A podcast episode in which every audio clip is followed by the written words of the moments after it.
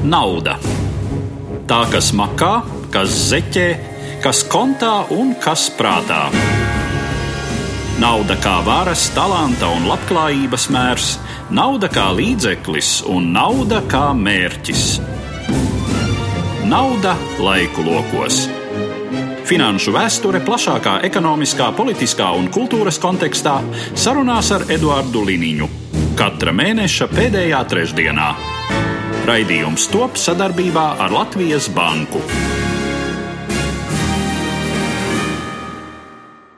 Labdien, cienījamie klausītāji! Šodien mēs pievēršamies samērā nesenam posmam Latvijas ekonomikas vēsturē, proti brīdim, kad mūsu valsts un sabiedrība no padomju komandu, plānveida ekonomikas sāka veidoties par brīvā tirgus ekonomikas sabiedrību. Un mans sarunbiedrs šodien studijā - ekonomists, savulaik arī politiķis Edmunds Krastīņš. Labdien! Labdien. Šīs pārmaiņas sākās 80. gadu beigās, turpinājās 90. gados, mainījās ne tikai sociāla ekonomiskā formācija, mainījās valsts status no vienas diezgan centralizētas lielvalsts provinces, topot par neatkarīgu valsti, tas mantojums, ar kādu Latvija sāka tajā brīdī šīs savas pārmaiņas. Es gribētu, lai jūs vispirms raksturotu, teiksim, to ekonomisko potenciālu, kuru Latvijai atstāja Latvijas PSR kā tās de facto priekšgājēja. Daudz teikt, ka tur bija ļoti daudz kas, un arī tiešām daudz kas bija sabūvēts padomu industrializācijas periodā. Apmēram no 58. līdz 70. gadam gāja ļoti intensīvs kapitāla ieguldījuma process Latvijā, tika sabūvēts hidroelektrostacijas, ostas, daudz rūpnīcu, kas gan bija orientēts tīri uz Padomju Savienības tirgu, tomēr bija izbūvēta visa elektrifikācijas infrastruktūra, gāzes vadi. Nu, Latvija saņēma tomēr kaut ko mantojumā, bet, protams, bija jāpāriet uz pilnīgi citādākiem saimniekošanas apstākļiem, kur varbūt daudz kas no tā, kas bija sabūvēts, arī nederēja, bija par lielu, nebija tāds. Savukārt, eh, tas, kas ļoti pietrūka, tā kā PSRS bija stipri centralizēta valsts, vesela virkne dažādu ekonomisko institūciju Latvijā vispār nepastāvēja. Piemēram, centrālā banka, kas nodarbotos ar naudas emisiju, visa ārējā tirzniecība bija centralizēta Maskavā, tādu speciālistu nebija, tādu sakaru nebija, ārlietu ministrijas nebija kā tādas, tur bija tāda neliela simboliska nodaļa. Svarīgs ir arī tas priekšstats pirmām kārtām valsts politiskajai elitei tobrīd, bet arī sabiedrībai kopumā. Kā tad mēs priekšstatījām savas iespējas tajā brīdī un cik tas bija adekvāti? Nu, visai miglaini, es teiktu. Bija tas lielais sauklis par brīvību, par neatkarību, bet kā darbosies brīvais tirgus priekšstats, es domāju, bija reti kuram varbūt tiem veciem cilvēkiem, kas vēl atcerējās pirmskara laiku, bet pirmskara laikā tas brīvais tirgus bija, jāsaka, stipri atšķirīgs no tā, kas bija izveidojies pēckara periodā globalizācijas procesa ietekmē. Pirms kara Latvija tomēr saimniekoja kā agrāra zeme, protekcionismu tirdzniecības ietvaros. Pēc kara lauksaimniecība pasaulē bija aizgājusi jau otrā, trešā plānā, un bija globalizācija, kur varēja tirgoties, kur grib, nebija būtiski liels šķēršļu. Bet uh, cilvēkiem bija vairāk tādas ilūzijas, ka mēs tagad ļoti strauji panāksim rietumu valstis, labklājības līmenis pieaugs, un tie brīdinājumi par to, kādas negatīvas tur blaknes var būt, arī daudz neustver nopietni, kamēr tas neiestājās, kā piemēram bezdarbs. Kā bija ar uh, sociālo struktūru? Protams, valdīja salīdzinoši ļoti liela vienlīdzība. Nu, labi, nomenklatūra kā valdošā šķira, viņai bija visādas privilēģijas, par kurām Tad, kad uh, sākās atklātības periods, ļoti daudz protestēja. Bet, ja mēs tā paskatāmies, kāda labuma bija tai nomenklatūrai pret to, kādas posteņus viņi ieņēma, par ko viņi atbildēja. Nu, kaut kāds tur standarta dzīvoklis vai tur kaut kāda reize nedēļā pārtikas paciņa, salīdzinot, ko saņēma rietumos lielu uzņēmumu vadītāji, īpašnieki. Nu, tas ir vispār nožēlojami. Un tad no šī brīža sākās nevienlīdzības pieaugums. Tur parādījās tas rietumu standarts, rietumu brīvā tirgus darbības princips. Tas, kas spēj, tas saņem ļoti daudz, nevis tik izlīdzināti kā padomu laikos. Un, protams, daudziem cilvēkiem tas psiholoģiski sagādāja lielu sarūktinājumu vilšanos, jo cilvēku sabiedrībā ir tā, mēs vienmēr sevi ar kādu citu salīdzinām. Ja cits izraujās ļoti priekšā, tas mums rada ārkārtīgi sliktu psiholoģisku noskaņojumu. Kā zināms, tādas nelielas pārmaiņas, mazi solīši brīvā tirgus virzienā tika spērti jau Padomju Savienības pēdējos gados, atļaujot tā saukto kooperatoru biznesu, kas bija nelieli, sākotnēji iecerēti vispār kā ģimenes uzņēmumi, pēc tam tika pieļauta arī zināma darba spēka nodarbināšana privātā biznesā, kas līdz tam bija bijis kategoriski pret visiem padomi kanoniem. Nu, tā tad eksploatācija, ja kāds strādā nevis valsts uzņēmumā, bet gan privātā.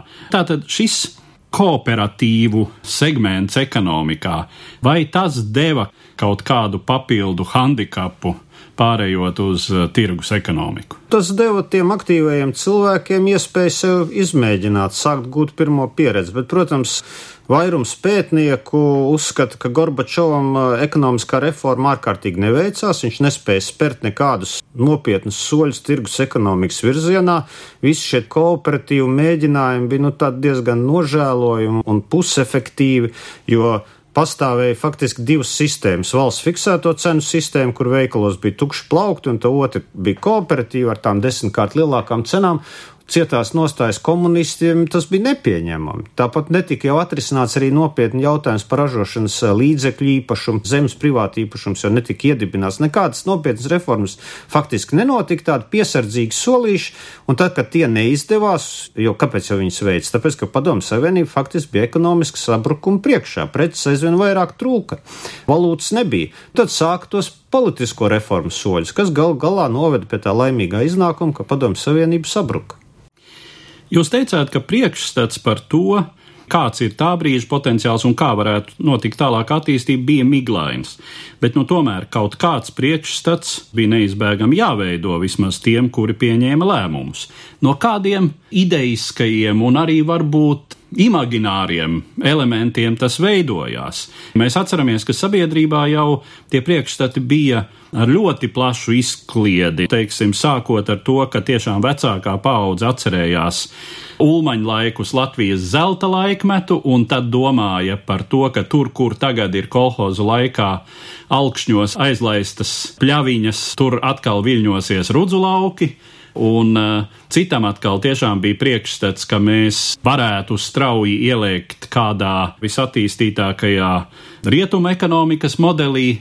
Tātad šis priekšstatu komplekts, kas noteica rīcību tajā brīdī? Rīcību noteica droši vien kaut kādi vadošie cilvēki, kuriem bija izveidojies savs priekšstats, kā tās reformas veicams.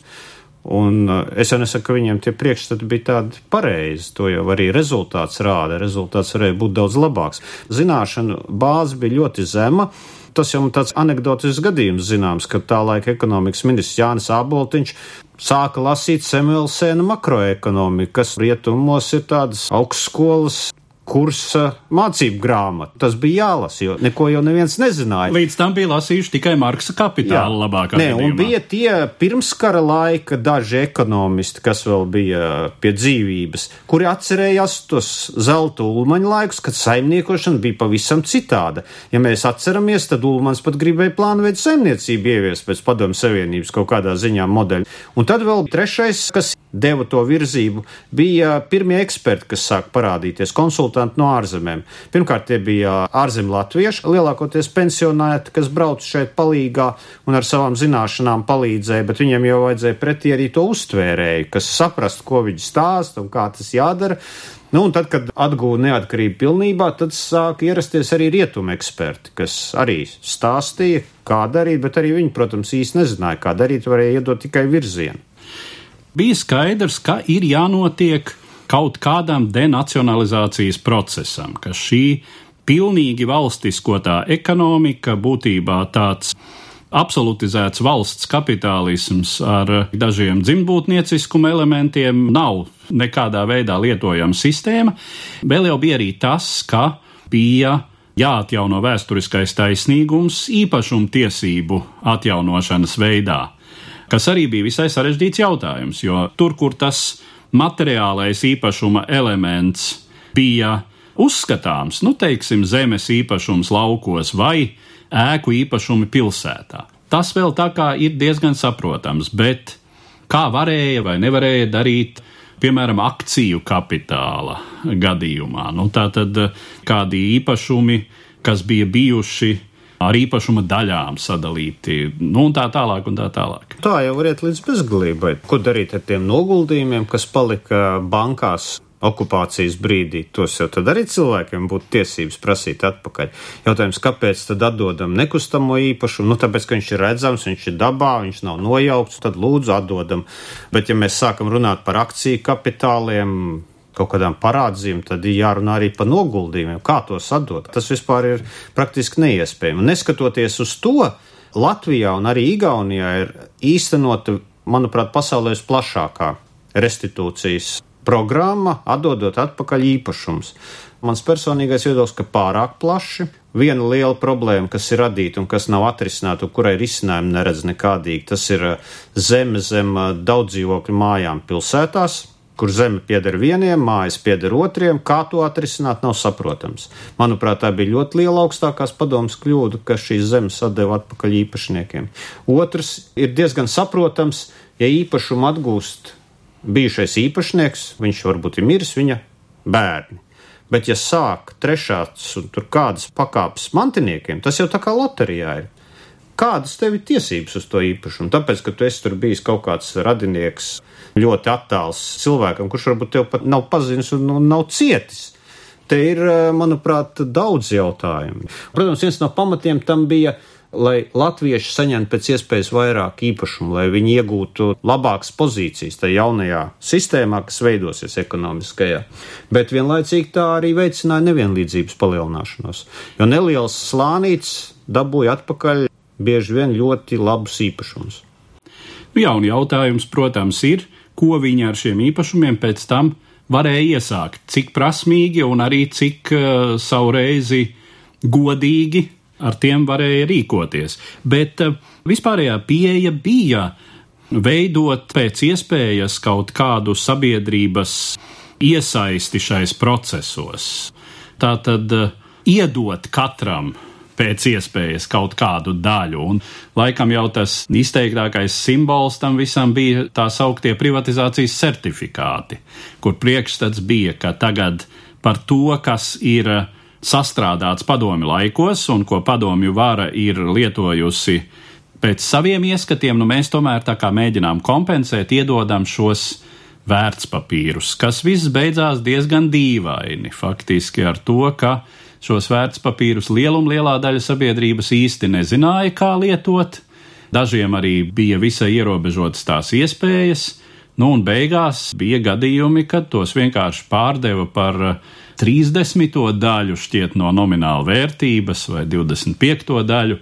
Tātad, ja sākotnēji tie bija 30 ar kaut ko, 28 lati bija nomināla vērtība ja es pareizi atceros, tad pārdevu par latu 36. Arī par, par 50 centīmiem sākumā.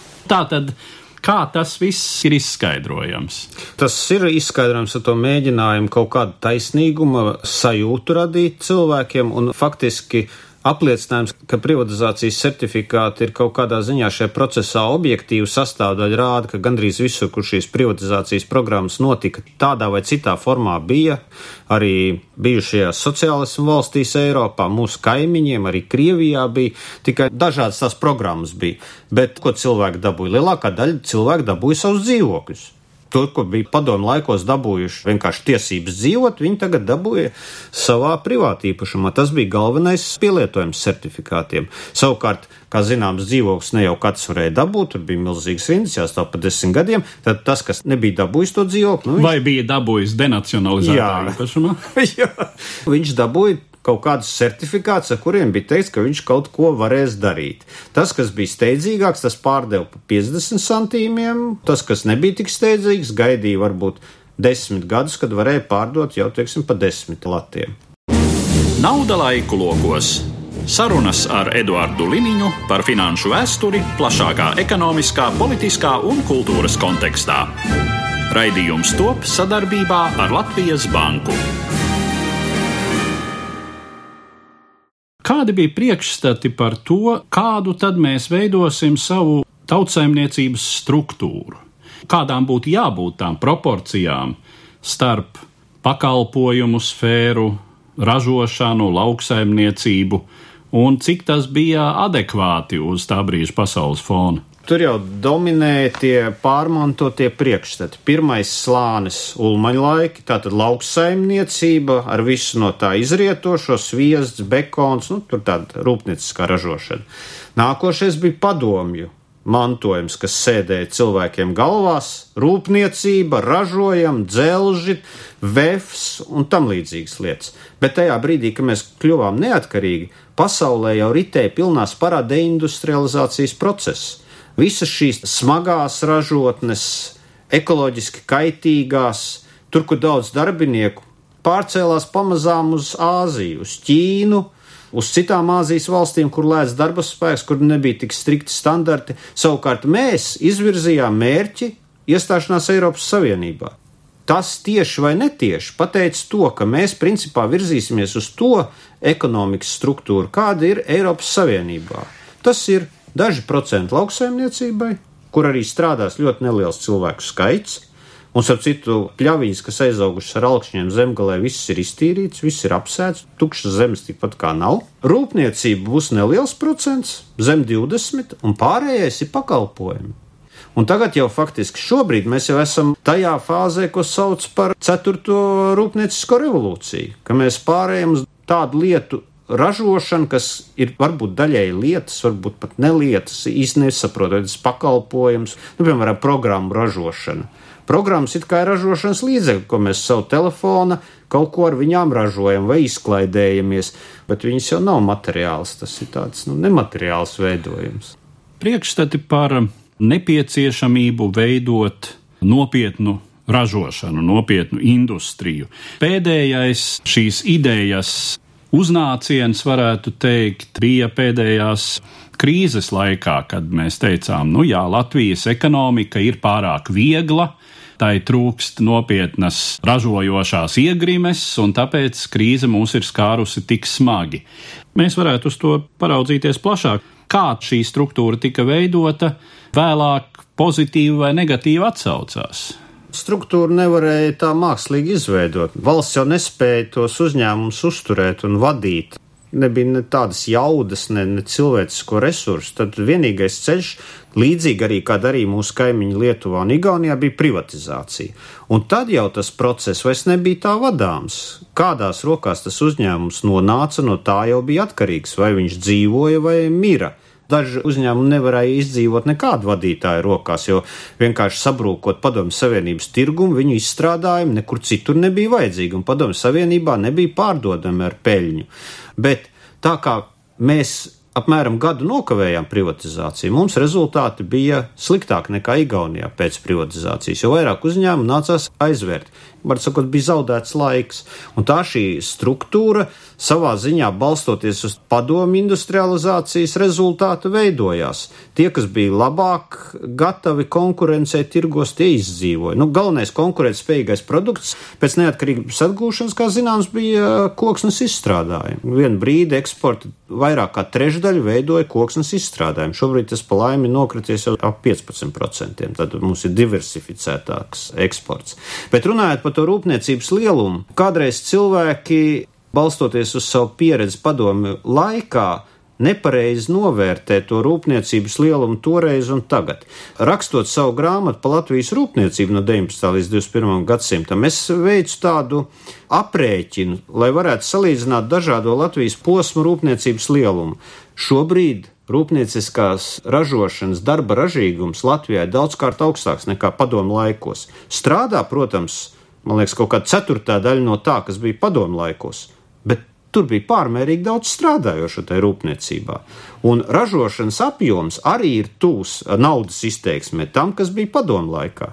Padomu laikā, diemžēl, viena liela daļa no tā, ko ražoja, bija savā ziņā neliederīgi izlietot resursi. Jā, tas ir diezgan zīmīgi, ka lasot dažas publikācijas, kur ir šī nostalģija par to, cik labi bija un kas ir zaudēts, tad piesaucot vefu, parasti pirmais, ko piesauc, ir milzīgā ēdnīca, kas Jā. varēja apkalpot tur simtus uz reizi. Vefs ir tāds spilgts piemērs. Protams, viņš bija lielākais uzņēmums Latvijā, augstākajā punktā apmēram 19,000 strādājošo bija, bet viņš bija aplipis ar veselu virkni sociālo objektu, jo tajā laikā uzņēmumam bija tādai tā kā autarhijai jābūt, visam jābūt pie sevis, jo citādāk nebūtu nekas. Bija divi ēdināšanas kombinēti kultūras nams, peldbaseins, kino, bērnu dārs, nu viss kaut kas bija nevarēja droši vien atjaunot pat tādu vefu, kāds tas bija pirmskara Latvijā. Nē, noteikti nevarēja. Pirmskara Latvijas vefs, jo tomēr bija valsts autonomais uzņēmums, viņš bija daudz nozaru tāds konglomerāts, viņš bija stipri neefektīvs. Un arī pēc kara padomju vara sāka pamazām no viņa atdalīt rūpnīcas. No vefa radās elektrospulģu rūpnīca, komutātors, kas ražoja militāro sakaru tehniku, bet vienalga vefs arī padomju laikā saglabājās pārmērīgs konglomerāts, pārāk daudz visādu ražojumu, kas tik tur nebija. Un, uh, diemžēl bija tā, ka viena no prioritārajām nozarēm radioelektroniskā rūpniecība, kas bija Latvijā, kur nodarbināja pār pa 50 tūkstošu strādājošo, izrādījās pēc padomju savienības sabrukuma viskonkurēt nespējīgākā, jo PSRS tirgus aizvērās, un visur citur pasaulē jau bija pavisam cits eh, ražošanas un tehnikas līmenis. Faktiski arī tās padomjas sistēmas bieži vien eh, balstījās uz rietumos vai Japānā kaut kādām nozaktām idejām, tikai sliktākā izpildījumā. Un faktiski dažu gadu laikā no radioelektroniskās rūpniecības palika daži procenti. Nu, šobrīd viņi pamazām sākus atkopties. Kā zināms, tad lielākais eh, Latvijas rūpnieciskais uzņēmums šobrīd pēc apgrozījuma ir mikrotīkls, kas ir radioelektronikas uzņēmums. Jūs jau teicāt, ka daudz ko tomēr varēja darīt citādi un rezultāts būtu labāks. Nu, ja mēs mēģinām koncentrēti šobrīd eh, definēt, kas tad bija darāms citādi? Noteikti tā privatizācija bija jādara ātrāk. Taču, diemžēl, tas neizdevās, jo bija ļoti daudz dažādu atšķirīgu viedokļu. Tā kā vienojās gal galā par privatizāciju, tad viņi sākumā apstiprināja decentralizētā veidā, nu, ka ministrijas privatizē. Nu, tad tur katra pa savam veidam arī mēģināja privatizēt paldies Dievam, kaut ko privatizēja. Un tur tā liela atšķirība ar Igauniju parādās. Ja Igauniem rūpnieciskā ražošana tur dažos gados pēc PSRS sabrukuma nokritās līdz 50% līmenim, tad mums nokritās līdz 40%. Tā starpība apmēram pa 10%, un es domāju, ka galvenā ietekme tur bija privatizācijas ātrumam. Es esmu diezgan daudz domājis, kāpēc Igauni veiksmīgāki nekā latvieši tomēr bijuši. Kaut arī mums ir visādi labi rādītāji, attīstības tempi ir bijuši labi, bet Igauniem bijuši labāki, un pēdējos gados, diemžēl, arī lietuviešiem bijuši labāki. Diezgan grūti atbildēt. Es domāju, ka tā atšķirība tomēr ir kaut kur kultūrāla. Jo man īgauni liekas, ka racionālāk.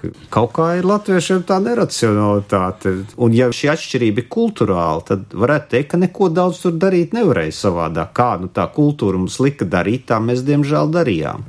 Tas jautājums, kas, protams, rodas, nu varbūt, ka tas tika darīts dažu interesēs. Skaidrs, ka jebkurā procesā ir intereses, arī Igaunijā ir intereses, visur ir intereses, bet kaut kā jāspēj vienoties par to, kas ir racionāls un kas kopumā virza visus uz priekšu. Bez šaubām, ka šis slavenais OIK, kas pašlaik traucē rūpniecības attīstībai, tas jau radās ne jau kaut kādu ideālu mērķu vārdā, tas radās vairāku personīgi ieinteresētu uzņēmēju interesu vārdā, kur politiķi acīm redzot apkalpoja šīs intereses un īstenoja tādu sistēmu, ar ko mēs tagad eh, nevaram tikt galā. Vai tas manis pieminētais fakts, ka denacionalizēja arī zemi zem daudz dzīvokļu namiem. Tas arī bija kādi interesēs.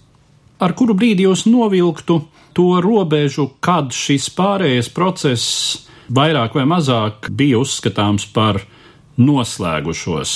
Protams, vairāk tāda etapa varētu būt. Es teiktu, kaut kur 90. gadu beigās, viņš pamatā bija beidzies, bet, protams, tur vēl Eiropas Savienības iestāšanās process.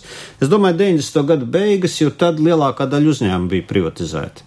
Jā, manā uztverē laikam, kas, protams, ir ļoti nosacīti, bet izvēloties vairāk tādu simbolisku faktu. Fināls ir mēģinājums privatizēt Latviju energo neveiksme, ar ko šis process beidzās, nu, sabiedrības nostājas dēļ. Sabiedrības apetīte uz pārmaiņām bija izsmelta fundamentāli un nāca tāds zināms atvilnis, kurš, protams, Latvijas gadījumā nebija ļoti smags. Trakākais bija 95. gada atvilnis, protams, pēc Bankas Baltijas kraha, kad savēlēja tādu saimu, interesantu. Bet kaut kā no tās bankas Baltijas krīzes ātri atkopās, un tomēr tā banka sistēma attīrījās, un tad tieši pēc 96. gada sāka arī ienākt rietumu investoru banku sistēmā, un tad 98. bija pamatā iziets tas eh, rūpniecisko uzņēmumu privatizācijas process. Tad bija radīts pamats, lai tā ekonomiskā sistēma varētu darboties. Latvija energo privatizēja vai neprivatizēja, tas tai ekonomiskās sistēmas darbošanās ziņā neko daudz nemaina. Tad bija arī izieta viss tā inflācijas fāze. Tās pirmās mācības stundas bija izietas. Vēl viss kaut kas, protams, bija priekšā, bija tā iestāšanās Eiropas Savienībā, bija Pasaules tirzniecības organizācija, bet pamats bija izveidots, no kur attīstīties. Arī privātā uzņēmē darbība varēja sākt attīstīties. Kā bija ar um, pamatā rietumu, bet vispār ārzemju investīciju piesaisti? kas daudz uztverē acīm redzot bija teju vai tāda panacēja vai tādi labie vitamīni, un cik šis priekšstats atkal ir adekvāts. Kā vienmēr, katrā lietā tur ir plusi un mīnus, un kaut kas ir izdevies, un kaut kas nav izdevies. Rietumu investorus kāpēc mums vajadzēja? Viens, ka viņiem bija nauda, kuras mums nebija, un otrs, viņiem bija zināšanas, kuras mums arī nebija. Un daudzos tajos rūpniecības uzņēmumos, privatizējumos, tur jau vajadzēja zināšanas par tirgiem, ko tirgi prasa, kontaktus. Piemēram, tāds ļoti veiksmīgs, manuprāt, gadījums, kurš varēja ja nebūtu tāda investora beigties eh, līdzīgi kā Daugopils ķīmiskajā šķiedrā, ir Valmieras stikla šķiedras rūpnīca. Viņi strādā, joprojām tas pats investors, viņi darbojās. Valmiera ir, teiksim, viena no attīstītākām pilsētām Latvijā. Protams, sarežģītāk bija ar banku sistēmu, kur varbūt arī tos ārzemju investors tik ļoti nevajadzētu, bet tā Latvijas banka sistēma ir tik maziņa. Un to mēs pilnībā pārliecinājāmies 2008. gadā, ka šeit vietējie banķieri ar saviem spēkiem neko nopietni darbināt nevar. Un tur, diemžēl, patīk mums tas vai nē, ir rietumu banku dominēšana. 2008. gada krīze mums, protams, bija tieši tāpēc, ka mums tā banku sistēma bija tāda, kurā bija ļoti spēcīgs viens vietējais spēlētājs. Tas no vienas puses, un no otras puses tas, ka uzraugošās institūcijas nespēja tikt galā ar to kredītu bumu, kas sākās pēc iestāšanās Eiropas Savienībā.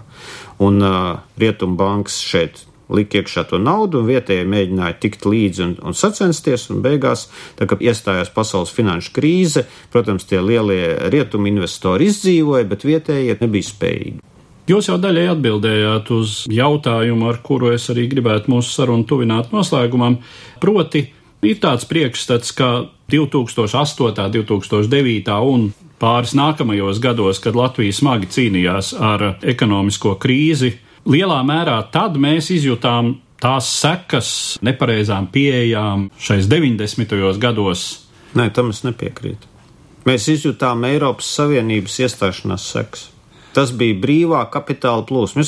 Krīze bija visās Baltijas valstīs neizbēgami, lai kā bija, vai Igauni tur darbojušies, Igauniem bija apmēram tikpat smaga, Lietuviešiem varbūt savā ziņā vieglāka, bet tā atšķirība, kāpēc mēs tik daudz cietām, bija tieši banku sistēmas dēļ, kurai bija atļauts viegli veidot šo kredītu burbuli.